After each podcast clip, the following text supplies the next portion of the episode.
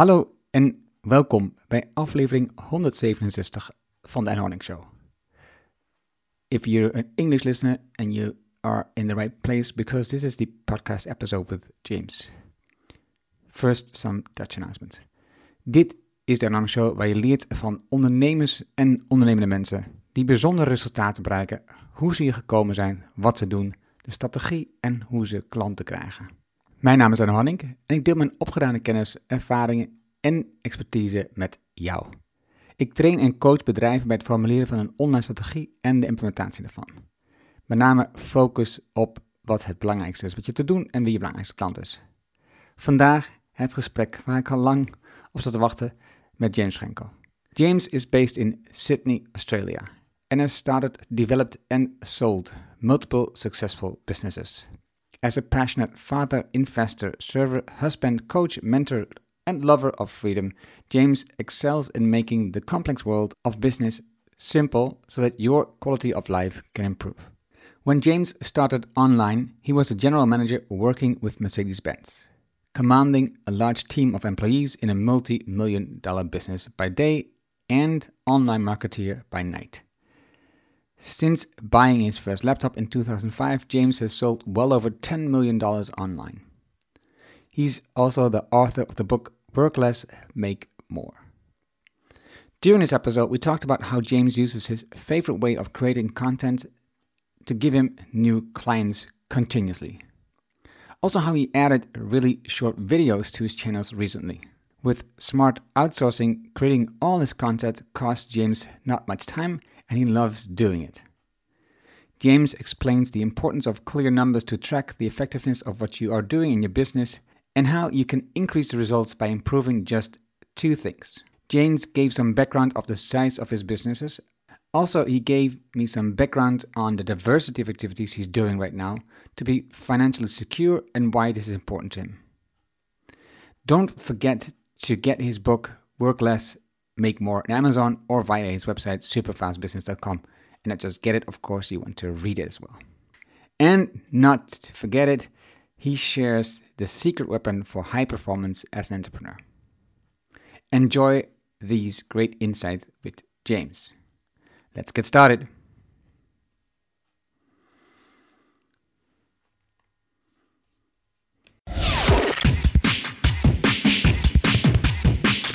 Welkom in de Erno Hanning Show. De podcast waarin je alles leert over de online sales funnel. Met succesvolle ondernemers en experts, praktische tips en tools die je helpen voor meer resultaat online. Dan nu jouw online sales funnel expert Erno Hanning. Wil jij weten wat de 11 winstoptimalisatie-elementen zijn voor online marketing en verkoop? Vraag dan het gratis boekje aan. Dit doe je op winstoptimalisatieboekje.nl. De digitale versie krijg je helemaal gratis en voor het fysieke boekje betaal je alleen de verzendkosten. Vraag jouw boekje nu aan op winstoptimalisatieboekje.nl. Je leest het in één avond uit. winstoptimalisatieboekje.nl. Today I have uh, my coach and I also have a entrepreneur that I like and follow and um, admire how he works, James Schramko. Welcome, James. It is so great to finally have you because I admire the way that you work, especially as an entrepreneur. You have had all these big businesses and you still have a big business. And at the same time, um, calmness is one of your features that you take time to um, for your family, for serving, and for your business. It's all very balanced as it sounds. Yeah, and it it wasn't accidental either. It's sort of come from quite some time of crafting the skill of designing your life around the things you want to do and creating a business that can actually fund that. So it, it has been a work in progress for sure. And when I describe you to people, um, to give to give the listener an idea of your priorities, is um, the number one priority of you is to get your servant serve in each day. That's true. I do plan my surf as a daily ritual. It's something that I find is uh, grounds me, and teaches me a lot about life, but also I think it's important, especially now, to have some time away from devices and to get back to you know pre-technology era where we spent time in nature, and it, it is certainly it's calming, but it is really good for your business as well because you come back recharged and you have some great replenishment and somewhere to think about things and, and you can get your focus back because I think people are probably a little bit overstimulated unless they're taking time out to do something that is both fun, but in my case, it's also a great exercise because it's physically demanding. And and um, to give people an idea, how, how much time do you think you need to replenish every day? Well, I've seen some of the statistics about uh, uh, in the USA, for example, the average adult watches six hours of video a day. That's quite a lot uh, of time staring at a little screen. And I think, um, certainly in my case, an hour a day, uh, or or sometimes two hours, is a really good routine. And I think also in other cultures, maybe even where you live, Erno, people are probably a little more outdoorsy and uh, adventure inclined than some other cultures. But if you if you're not leaving the house on a daily basis, I would be concerned for sure. I, I, think even 15 minutes to 30 minutes of just going for a walk, and if possible, uh, and if it's climate acceptable, it's good to go barefoot as well to try and ground yourself to the earth a bit. Sounds a bit hippie when you think about it, but uh, I I notice now when I have to wear shoes a lot, um, like if I go to a wedding or I catch an airplane somewhere, I want to pick loose shoes so that they're not constricting my feet. I think they've become quite privileged and used to not being constrained. That's an interesting point because I do run a lot, but I don't run barefoot. and there is there is a um, of course, a, a, group of people that run barefoot, but um, that's a great, interesting point to uh, to look into. And I, I think you're right. People in the Netherlands are pretty outdoorsy. We bike a lot, we walk a lot, and uh, it's a small um, country, so there's a lot of room to bike from one place to another, and, and you don't need to t- to get the car. So to get back to to you and your business, um, uh, uh, despite all the other things that you do in your business, because you have all your things um, either automated or um, filtered or um, outsourced, and and and, uh, and that is also a very um, um, chosen way of working for you. But but when you started, you came from selling um, cars, uh, Mercedes cars, and you started working a lot of hours for your own.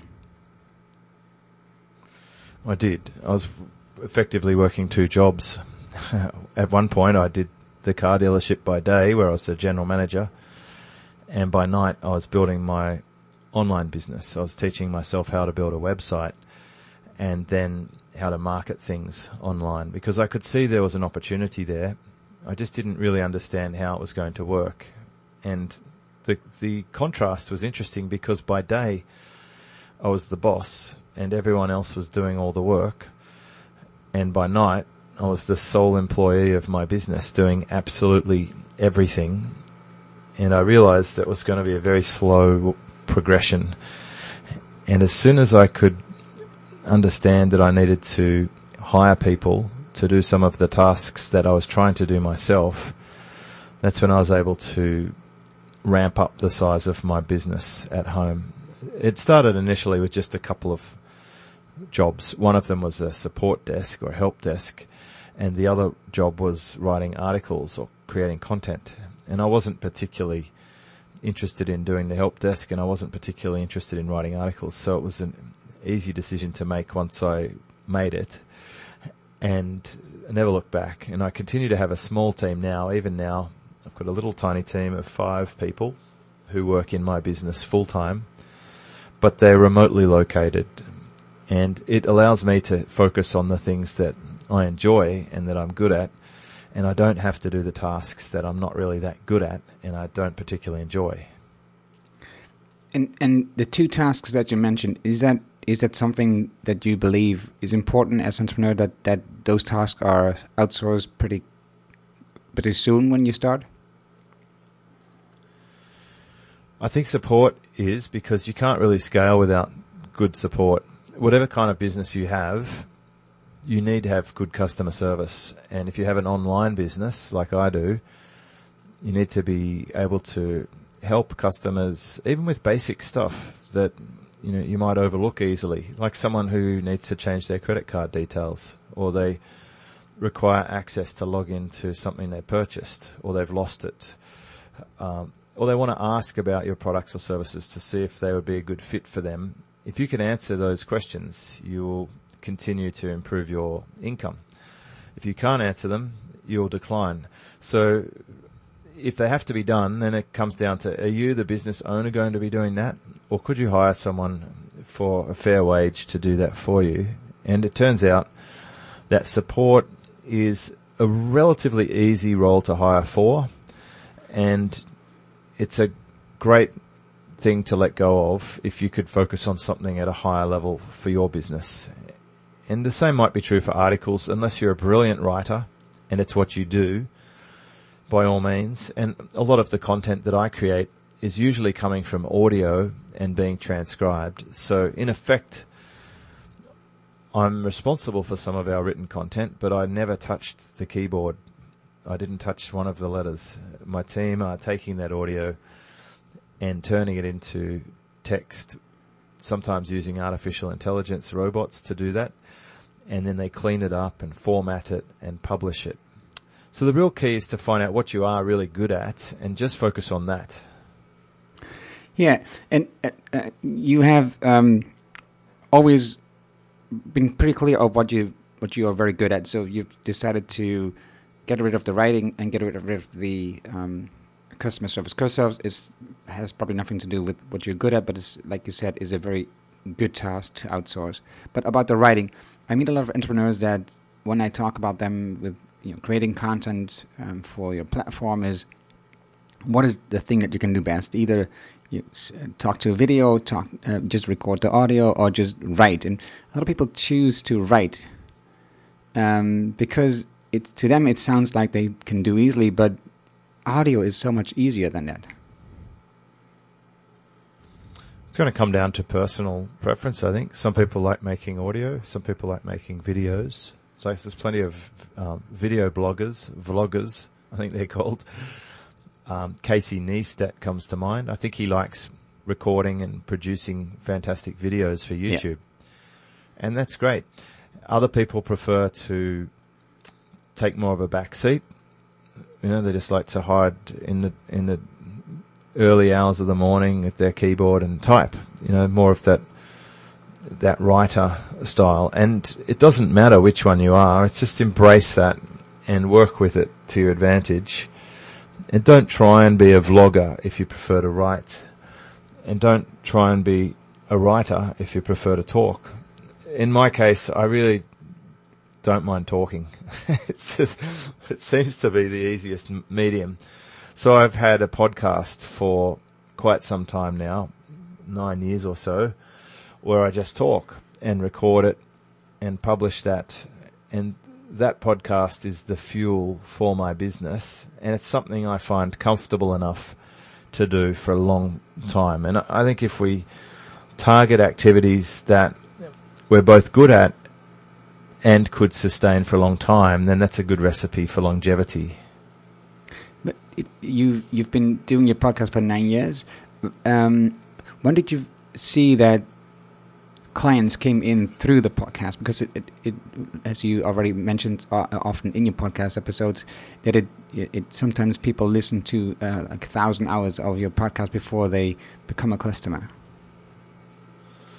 it really depends where that customer is at in what we might call the buying window if someone's ready to buy and they come across your podcast and you're talking about the exact same problem that they have and you know how to solve it and they feel that they trust you, they will buy straight away. So some people will listen to one episode. I noticed people buying from my podcasts from the fairly early days. And often it would be when I was a guest on someone else's podcast where they might want to put an offer out to their audience for my product. The one that really kickstarted it for me was when I was a guest on a podcast called Small Business Big Marketing, which is pretty big in Australia. And on that podcast, I offered a DVD set course. And straight after that podcast got published, we made a lot of sales. So I could see a direct correlation between that podcast and the sales. And that was the one that encouraged me to go and install my audio episodes into iTunes. I already had episodes, but I hadn't published them on iTunes until that event because that was an iTunes podcast. And this was in 2010. So this was eight years ago that I realized how powerful it is. And I'd already been publishing podcasts a year prior to that, but I hadn't put them on iTunes. And now, um, recently, you've added these um, one minute videos to your content. What does it? What does that do for you? How, how did how, how does this a great addition to your audio experience? Well, they're very easy to make. So, uh, like if you want to make video podcasts, like, you know, 5, 10, 20 minutes, you need a lot of production values there. You need lighting, sound, equipment, editing, narratives and all that, special effects. It could be a big production. However, if you possess an iPhone or uh, even a little instant camera of some kind, um, Canon or Sony or whatever. Most people have this already. You don't need a, a high quality DSLR camera for this. Just an iPhone or even a GoPro, people are using these. If you could just film short videos for a minute, what you'll find is they are super easy to script and produce. I use a framework called T, T-E-A. T is for topic, E is for explain it, and A is answer it. So I introduce a topic, I explain what I'm talking about, and then I uh, explain it for the audience. That's it. They're just little snack-sized contents. They're like a, like eating a biscuit or a sweet. They're, they're not a full meal, but they give people a, a taste for what you're about, and there's that constant awareness and repetition. So we're able to load one of these videos to our social media platforms each day which means we're getting a high amount of exposure.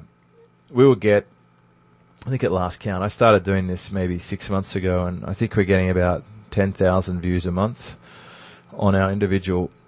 You know, if we collect all those little videos and add them all up across the platforms we put them, across Facebook and YouTube and LinkedIn and uh, Twitter and Instagram, and also on our own website, we're getting a good amount, a good amount of views, and we're actually translating some of those into sales. It's just a nice way that you can make information, and it really only takes me about eight minutes a week to make enough videos for a week. Five one-minute videos takes me about eight minutes on an iPhone, and there's really there was no editing in the beginning. I think my team now might trim the start or the end, you know, where I turn the camera on or off, optional. And they also, I think, put in a little bumper uh, with our brand, but that's about it. And they go up to the social media stuff every day. And a one minute video will play on Instagram in full. So it's, it's quite good to keep it short. And most people will watch a one minute video all the way through. Whereas if you start making longer videos, anything over two minutes, you'll have a big drop off. If you, if you go to sort of 20 minutes, you'd be lucky to get 20% of people watch the whole thing unless they're very interested in what you have to Mhm. say. And and do you record them all at once? I'm a bit spasmodic with my recording. I might do one if I'm out in the car and I have a great idea or what I think is a great idea. I might just record it. Um, I recorded one video yesterday because some, and you know, a situation happened and I thought it'd be good to record. And then other times I might be able to record 20 at once. Um, a good way that I've found to record them is if you ever do a presentation for somebody, whether it's to a business group or at a live event or even a webinar, you can open up your slide deck that you would have used for that presentation and you could make one video per point in your slide deck. So if you had 60 slides, you're potentially sitting on 50 videos there, 50 or 60 videos. If you take out the ones about you or whatever, you end up with about 50 content pieces. That's 51 minute videos. That's 10 work weeks of content. So you know, that's two and a half months of content off one presentation. If you want to repurpose something that you probably already have, if you've been around business for any any amount of time. Yeah, that's really that's a really that's a good idea. And and then you, you ha- if you do that, you have like a buffer so that um, your team have enough videos to um, post and share online, and, and you can just easily record new ones whenever you're ready. Yeah, well, I have a mandate with my team. Just please let me know if we drop below 10 in our reserve. So it's like a fuel tank in a car. If we get low, they they send me a low low video level warning, and I give them some more. But at the moment, I think we have plenty. We probably have 20 there. So we've always got a couple of months worth of content ready to go. And it's not hard to create short videos it's much harder to create long videos. Hmm. And, and when you look at the videos, there is you don't you don't ever um, sell. You don't really need to. It's it's not that it's not that type of video. It's not a sales video. It's just giving great information. I just want to service my market. I want people who are following my channels to get great value. In fact, I'd like them to get results before they even pay me. And if they're getting results before they pay me, that's a great demonstration of what might happen when they come on board my paid programs because it's just the tip of the iceberg. Hmm. Okay, so uh, just a little going back to um, when you had a job. So, what what was the most important lessons that you learned there that you took with you um, when you went full time with your business? Well, there's so many lessons because I had a job for for a long time. I had a job up until 2008, and I started in 1991. So I also felt like I was working dog years. You know, every year for a human, I felt like I was working five. so in that, uh, what is it, 27 years, I really something like that. I, I really felt like I worked 50 because I was a top performer. I was reading a lot of business books. I was implementing the things I was learning from all different sources and I was getting great results. I learned all about building systems. I learned about building teams. I learned about selling. I learned about customer service. I learned about accounting and reporting and financials. I learned about risk taking, budgeting, uh, competition, negotiation, like pretty much everything you could imagine. Uh, uh, working for multinationals and working for small individual businesses. I mean, I worked for my grandfather at one point. It was just one guy I worked for. I was I was employee number two. um, and then I worked for multinationals like General Motors and Mercedes Benz and BMW and Vodafone. And they're very big companies and they have a lot of red tape and bureaucracy to deal with and, and hierarchy and politics.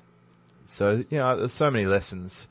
I wouldn't even know where to begin to, to answer that, but it's fair to say if that was the coal mine, then I took out the diamond from there and brought that to my own business. And that's the stuff I teach, the lessons hmm. from that. So then you started your own business and um, I have to tell you for the listener, it, James wrote a book about this and uh, about you know how to build a, a, better business and you know and, and still have a great life. Um, and you can read about um, his past and his you know the jobs he did and what he learned in the book, of course, as well. Uh, and and and the book is great because you have condensed a lot of lessons in that book. So it it is a great read, and and, and I you know think you should just um, buy it and read it. If if if one of the things that I find interesting um, and and at the same time very difficult to um, push myself to is effective hourly rate in a book.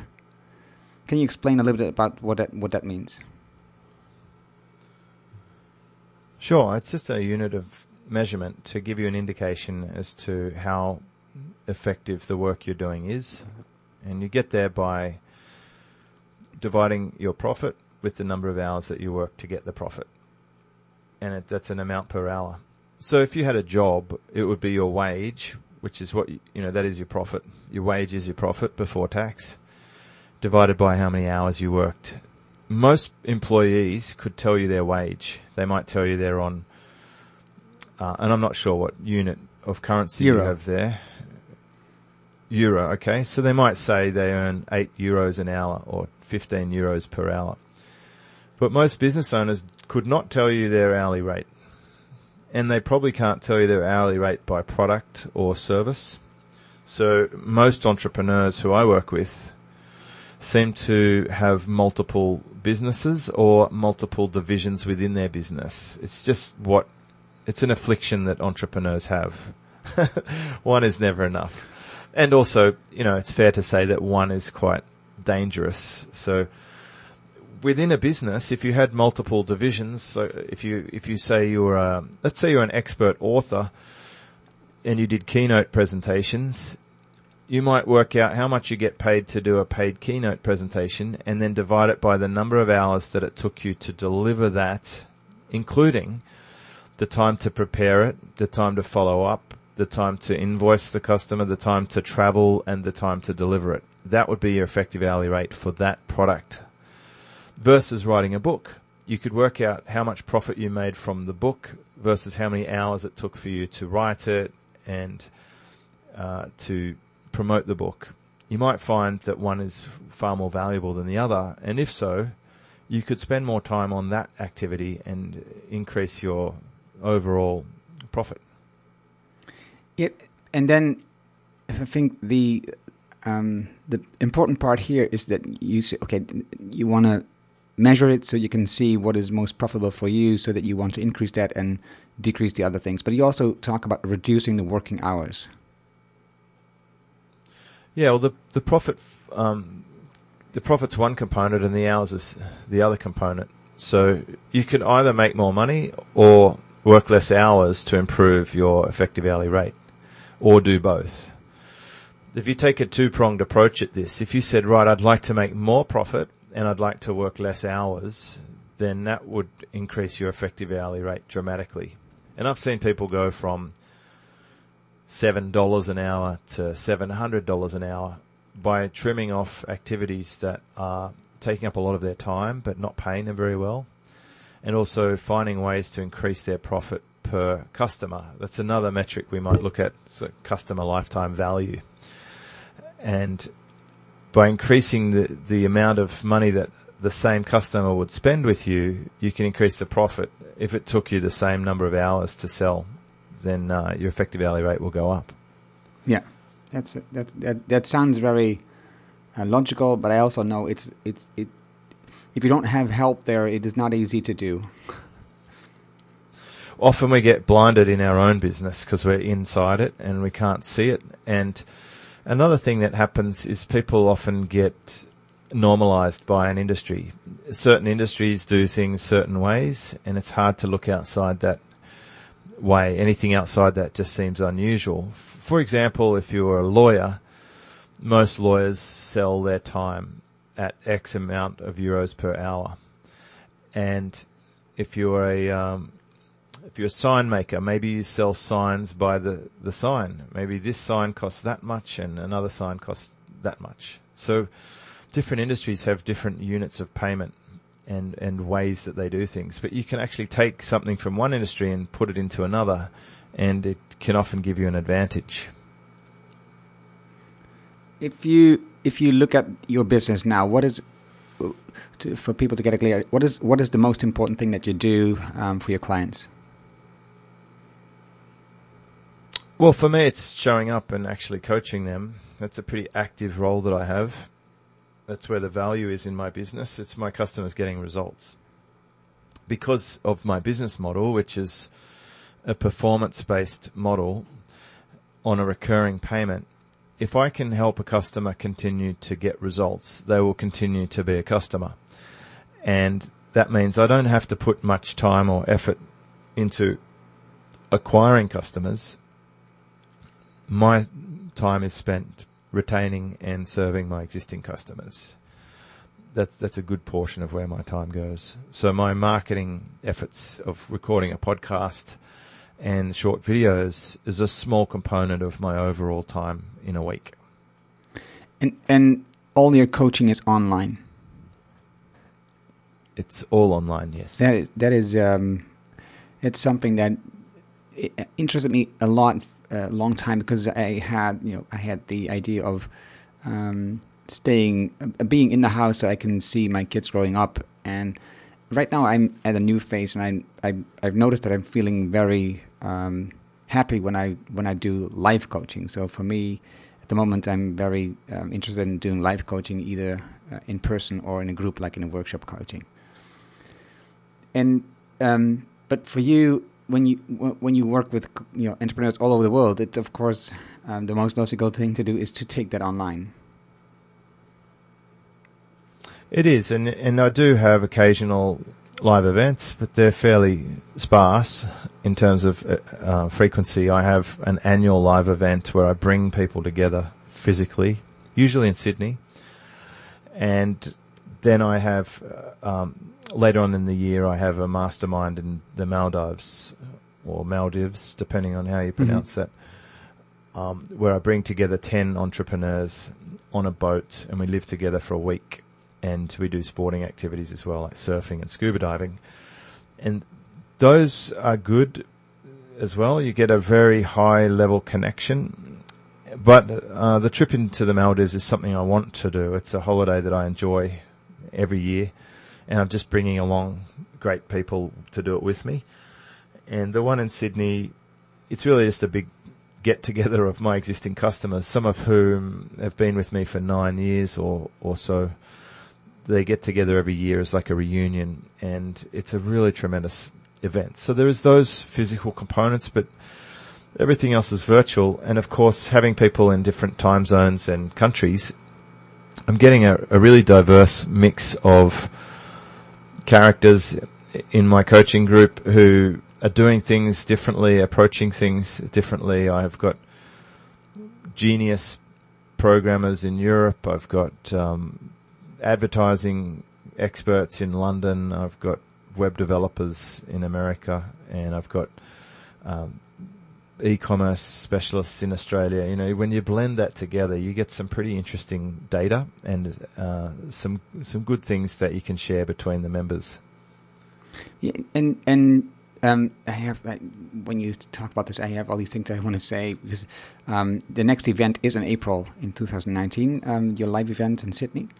But you also do these small get-togethers with people um, in um, various cities, or people, uh, the, the clients come together without you as well.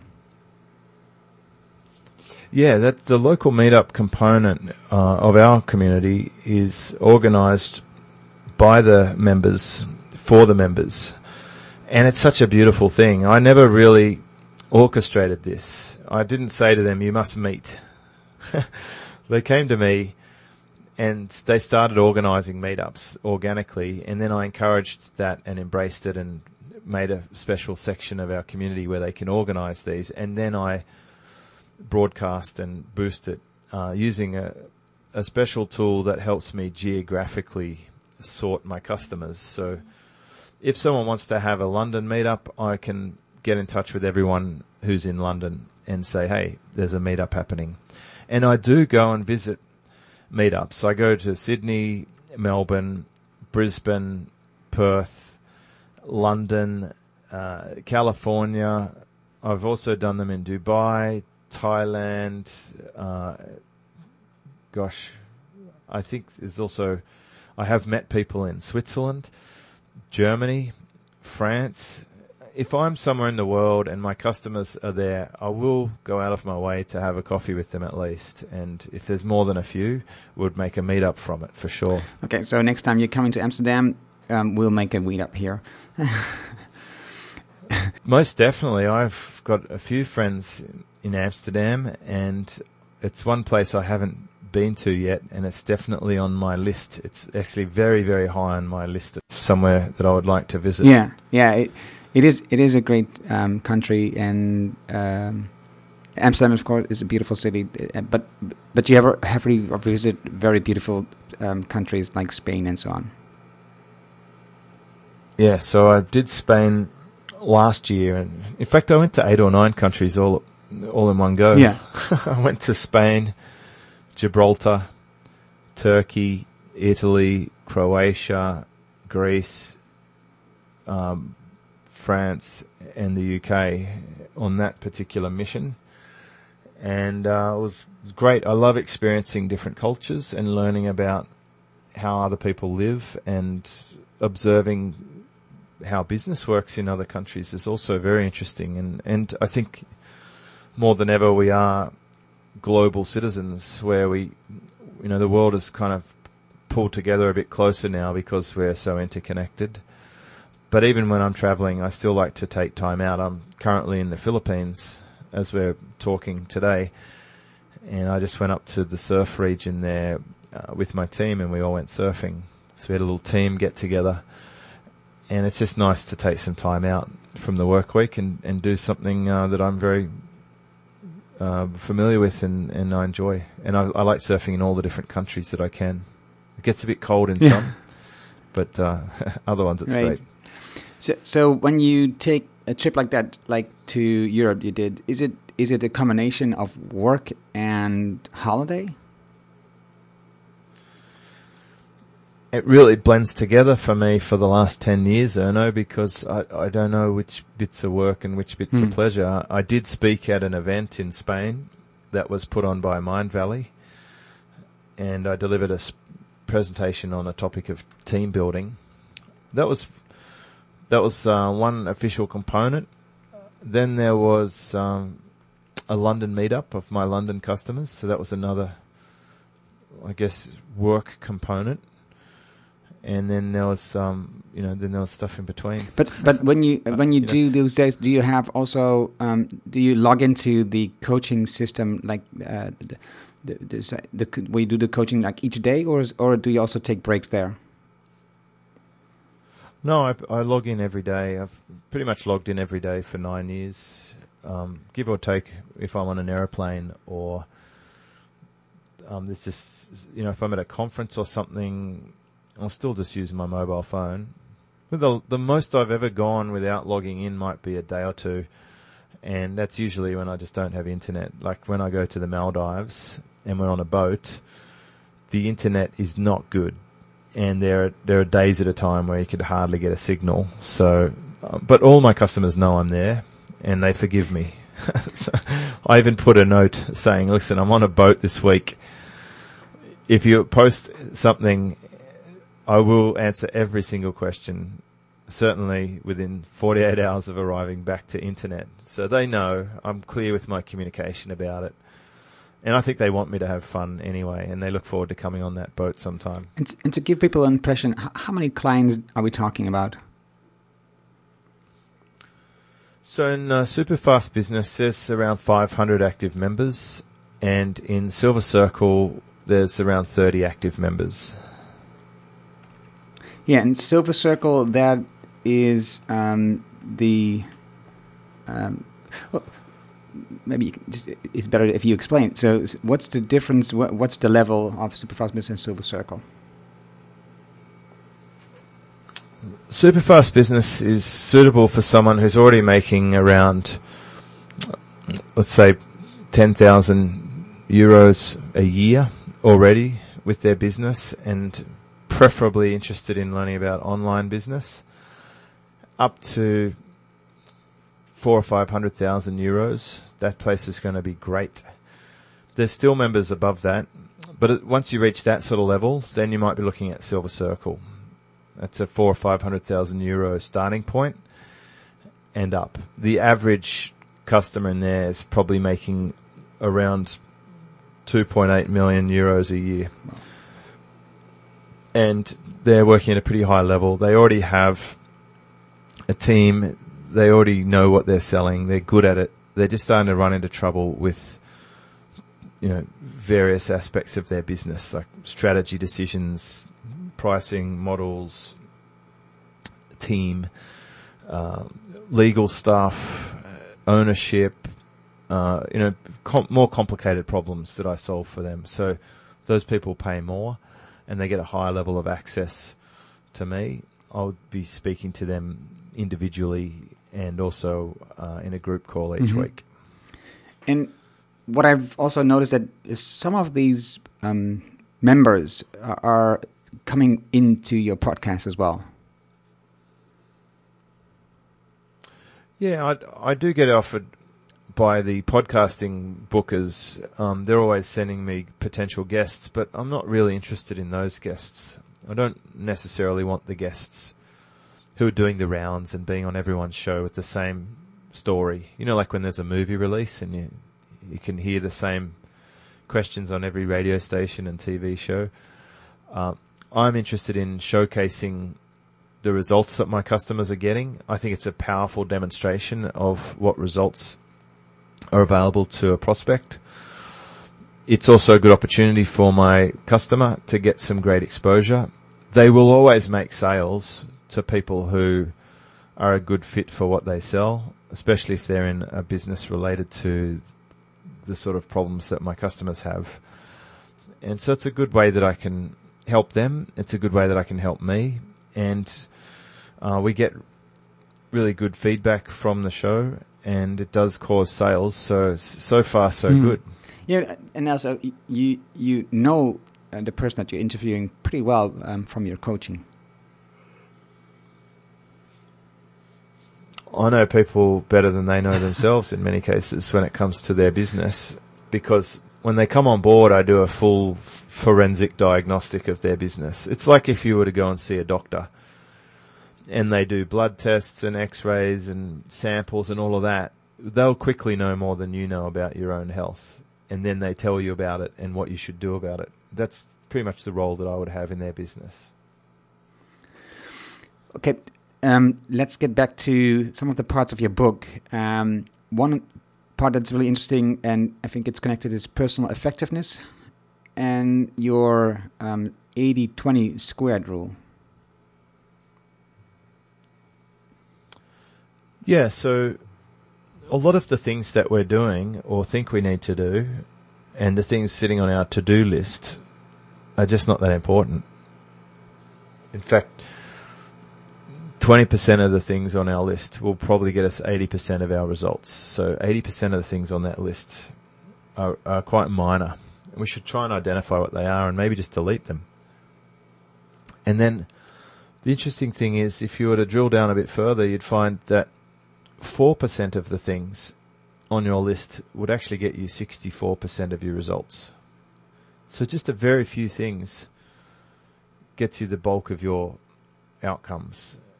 And that means we don't have to waste time thinking or worrying about all the things that we thought we did because they're really just not that important. So I do encourage people to spend some time scoring or prioritizing the impact that the various things can have because they're just not all equal. That's really the big point. All tasks are not equal. Some are more important than others. Focus on those ones. And and that it sounds so simple, uh, and it's it's very hard to do um, when you're on your own.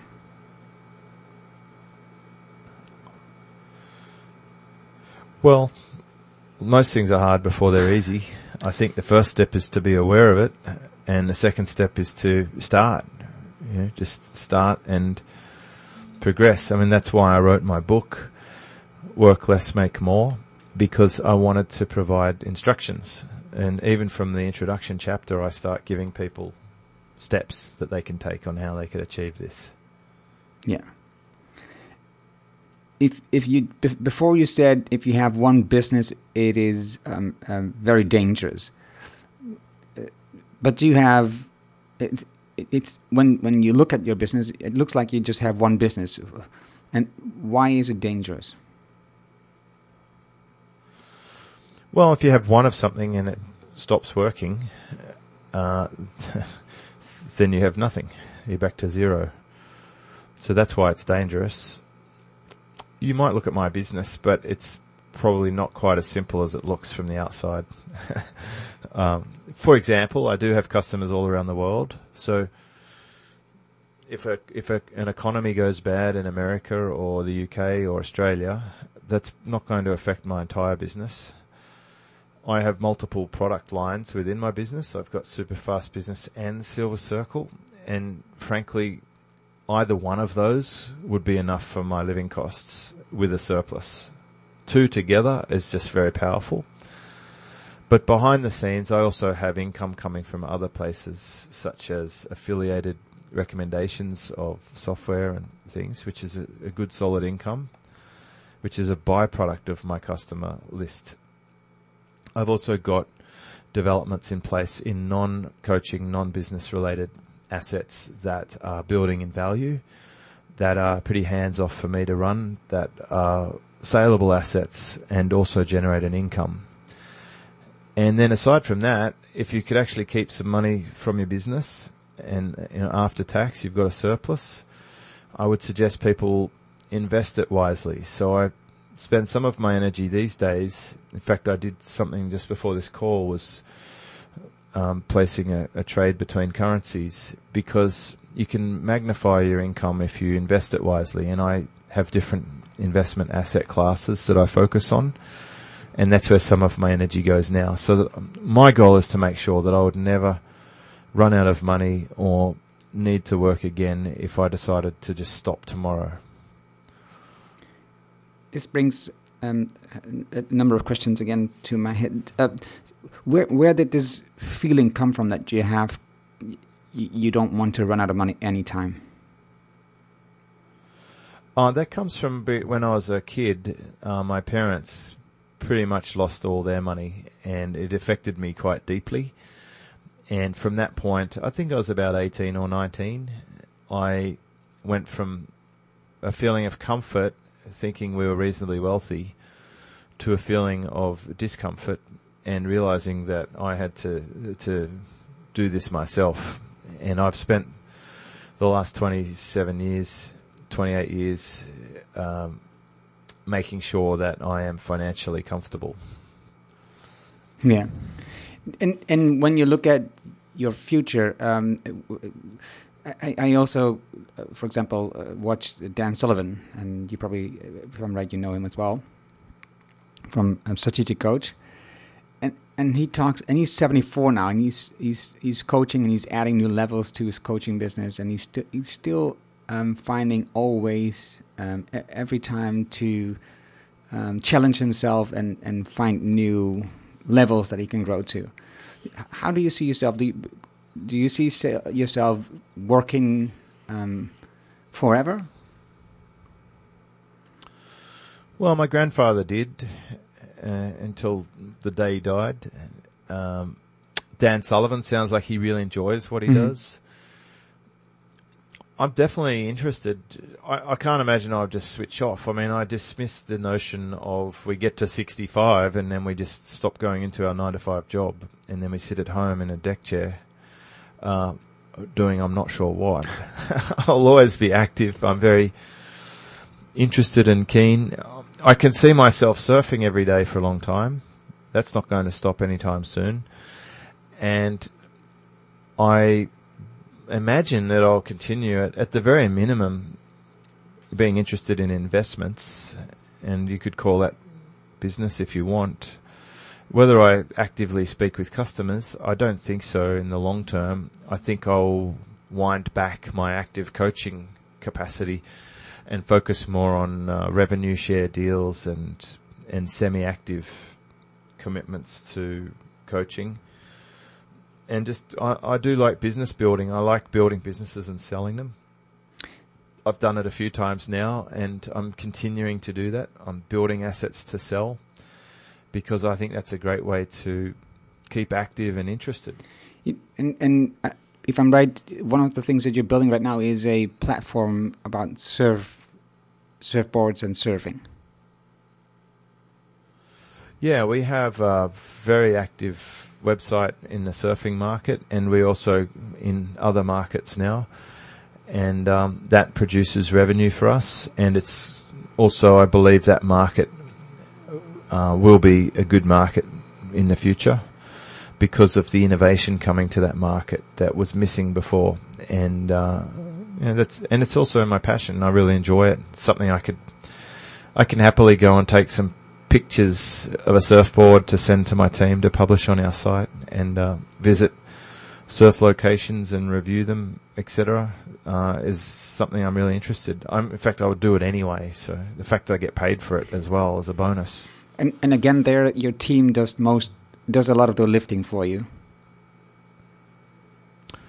Yes, they do almost all of the lifting. That that entire project was driven by them for the first three years. I've only recently got Oh. involved by um, taking some pictures and interviewing some professionals and um, adding some content. You know, if I buy a surfboard, I might give them my thoughts about it, and they create editorial content around that. Wow. Um, if you have for entrepreneurs that is that is listening right now, one tip you know that they could implement fast and, and that will give them great result. What what would be your your number one tip? I would say look through your existing customer base and see where the opportunities are to find more of your best customers or to provide a, a higher level solution to your existing customer base. That that is really the easy win. They're so easy for you to contact. They already trust you and like you and they would probably buy more if you were to make them an offer. Simple. Um, if I'm right, if you, you are also a very um, you read a lot of books. Let's put it that way. what is the book uh, that you've read lately that you advise people to read? Uh, well, the last book I advised someone to read was called The Art of Thinking Clearly by Rolf Dobelli. Okay, that's a book I um I haven't heard of. That's that is that is good. I love it. Yeah, I know everyone spouts off their usual favourites, but um, I I probably read different things to other Yeah, people. no, no, I, I I know that from from all the podcast episodes that you do and all the interviews that you are on other people's podcasts that you have a, a, a different way of looking at things and and um, taking care of yourself and calmness and and balance is, is is one of the things that I find very interesting in the way that you look. For example, the importance of sleep is is, uh, something you talk about uh, quite often. Ah, I mean, I was just reading a National Geographic special on sleep in uh, the van ride up to the surf region, and it is amazing. It's just such. It is the secret performance weapon available to everyone if they want to tap into it. Just get the proper amount of sleep, and you can be the high performance version of yourself that you've been missing out on. That that's such an easy thing to access, but no one seems to be doing it. How much sleep um, do you get? I would generally get uh, eight or eight hours. Plus, I like my sleep. Um, I'd go. I usually sleep sometime around ten or eleven at night to six or seven in the morning. Yeah, yeah. I, I, I think my sleep is important too. It, it's somewhere between seven and eight hours, um, depending on what's going on. James, where can people find you the best? Where where where should they um, uh, want to meet you? Well, if you like this sort of information, I would definitely check out my book on Amazon.